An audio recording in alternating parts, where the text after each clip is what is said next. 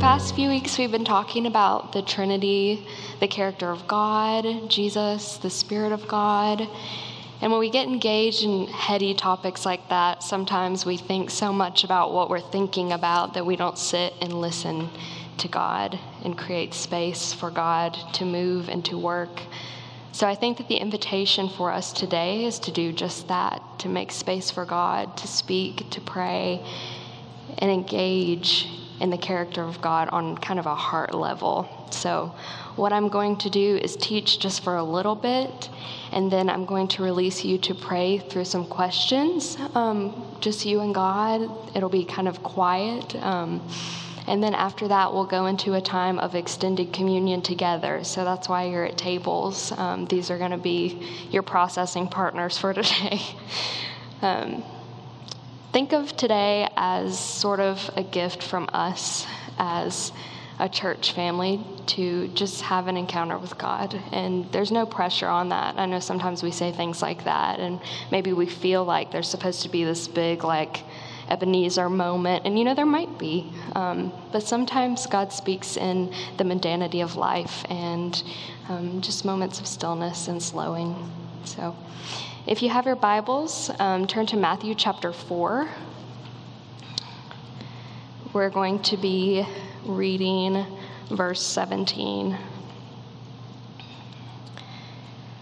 Okay, so basically what's happened in the book of Matthew so far is Jesus has been born and he has been baptized, prophecies are being fulfilled. Jesus is the Messiah. And in verse 17, he utters his first proclamation as recorded by Matthew. Verse 17 says, From that time on, Jesus began to preach, Repent for the kingdom of heaven has come near. Now, full disclaimer, I usually don't craft teachings on one word, but after much deliberation with the uh, Matt and my Greek professor, I feel fairly supported by the communion of saints today. So, this word repent, where have you heard it before? What comes up for you when you hear the word repent?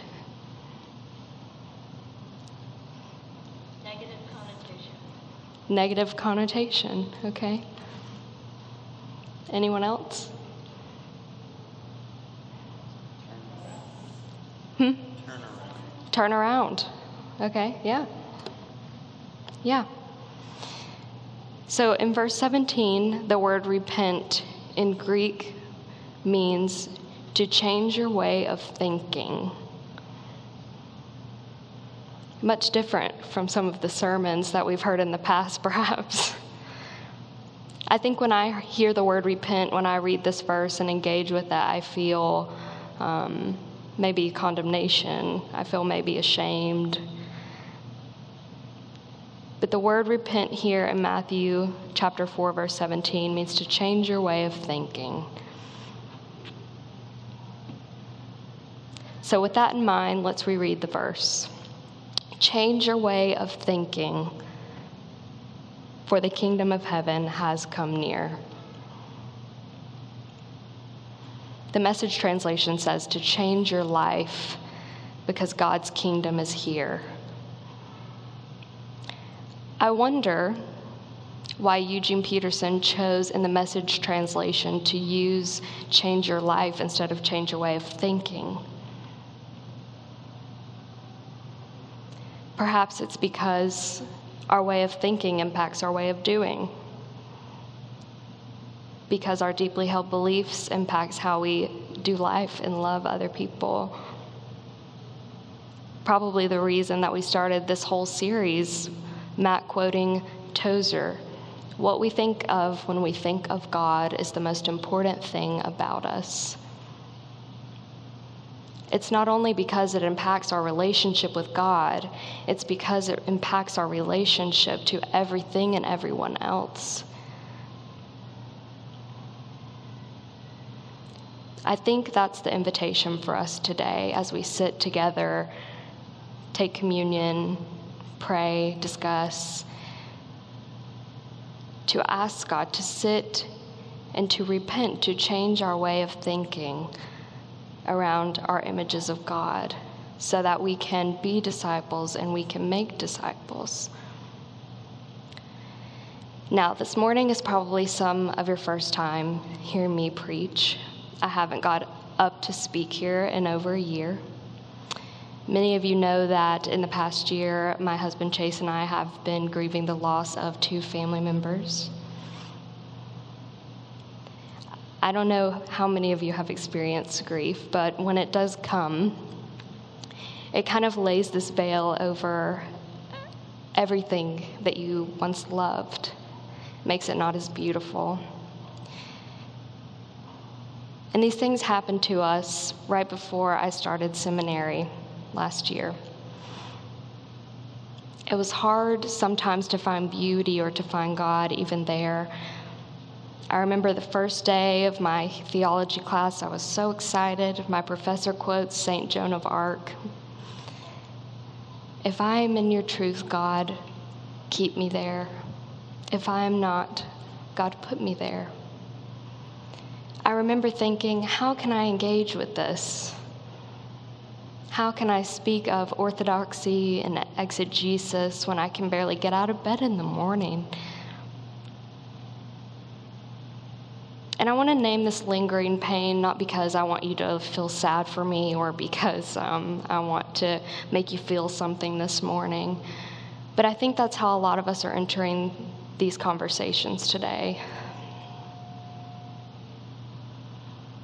Most of us are grieving something whether it be the mass shootings in our own backyard here in Chattanooga, whether it be the unrest and the disunity brought by recent political decisions. And besides that, we all bring our own things in here today. Each of us have our own stories, our own interactions with God that follow us into this room at your tables. All that said, I want to extend the invitation to you to show up today honest, because I think that's where grief and suffering pushes us to honesty.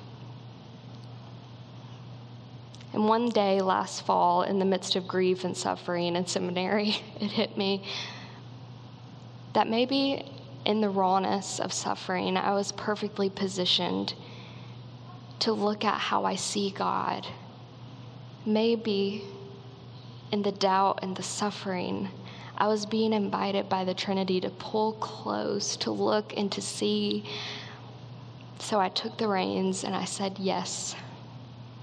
I discovered spaces where I was deeply wrong.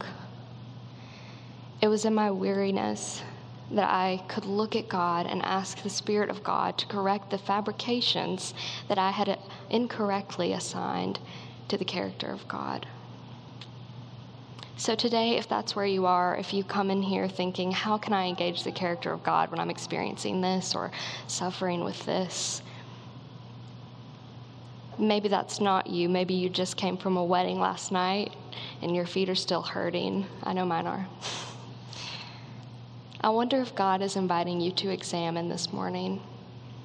I wonder if that invitation to me last year is being extended to you this morning at the table I wonder if it's time to repent, to listen, to change your way of thinking, and open your heart to God, to the places that you didn't know existed. For the rest of our time, I'm going to present some questions on the screen, and I want you to just take a moment to pray, to ask God to listen. And then you'll get a chance at the end to discuss over communion with your tables.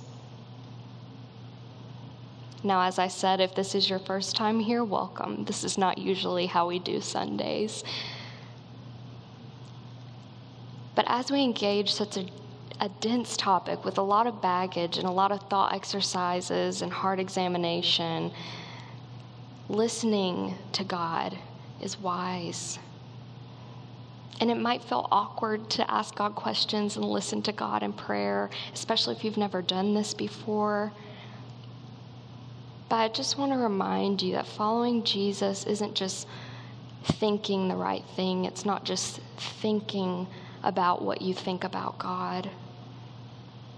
God chose to dwell among humanity for a reason. The incarnation is the embodiment of the values of God. That's why today we can pause, because this can't just be a thought exercise for us. It's unwise to construct views of the Trinity without listening to the Trinity and giving God a seat at that table. So I want to encourage you in prayer today. Get creative.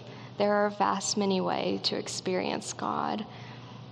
I ask you humbly to repent, to rethink, to reimagine, for the kingdom of God is near. So we'll begin with our questions. Nick. The first question I would like for you to ask God is God, what would you like me to notice about you? I'm going to give you some time. I'm going to pray up here as well, and then we'll come back and ask a couple more questions.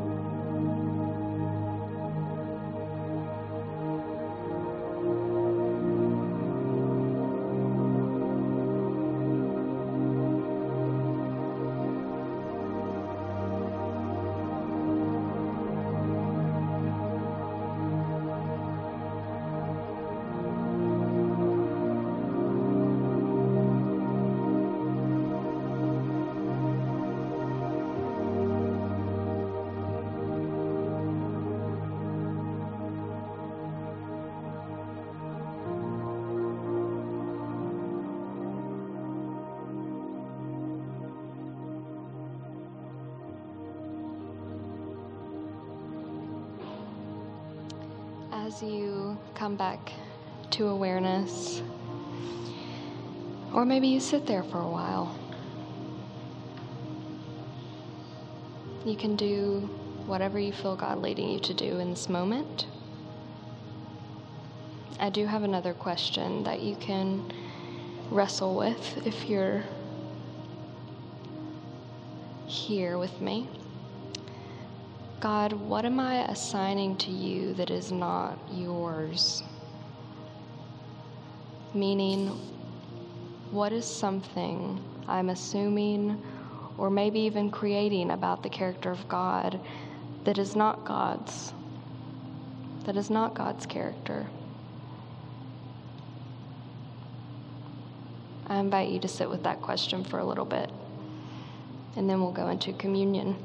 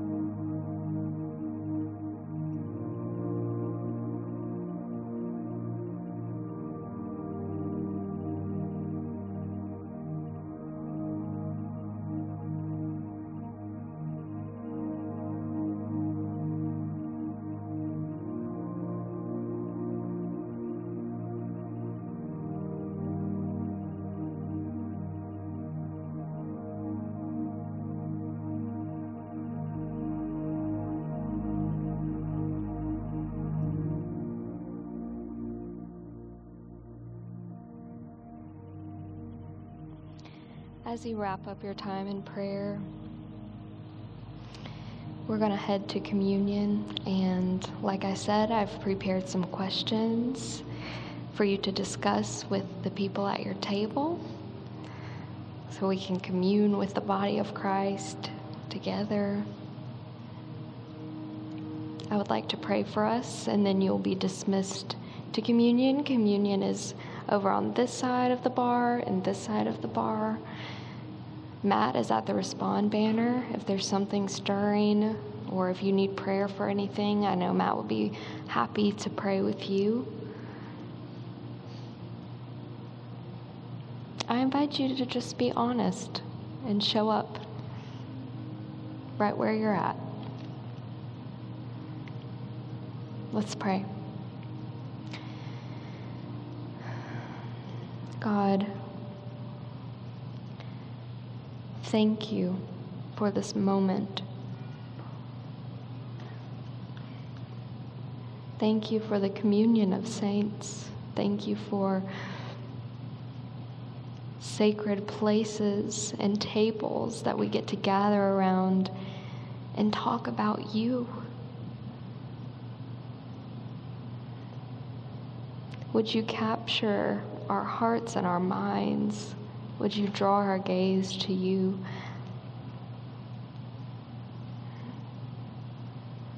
Would you invite us into repentance, into changing our way of thinking with whatever you see fit for us? Invite us into deeper holiness. Make each heart aware that you are near. You are so near. Thank you, Spirit of God, for being with us and for us. Would you create in us clean hands and pure hearts that we may love like you, that we may make disciples, that we may understand you a little bit better today. And give us the grace and open hands to know that we do not have to have you figured out, and we probably won't. we love you, Lord. Thank you for loving us. Amen.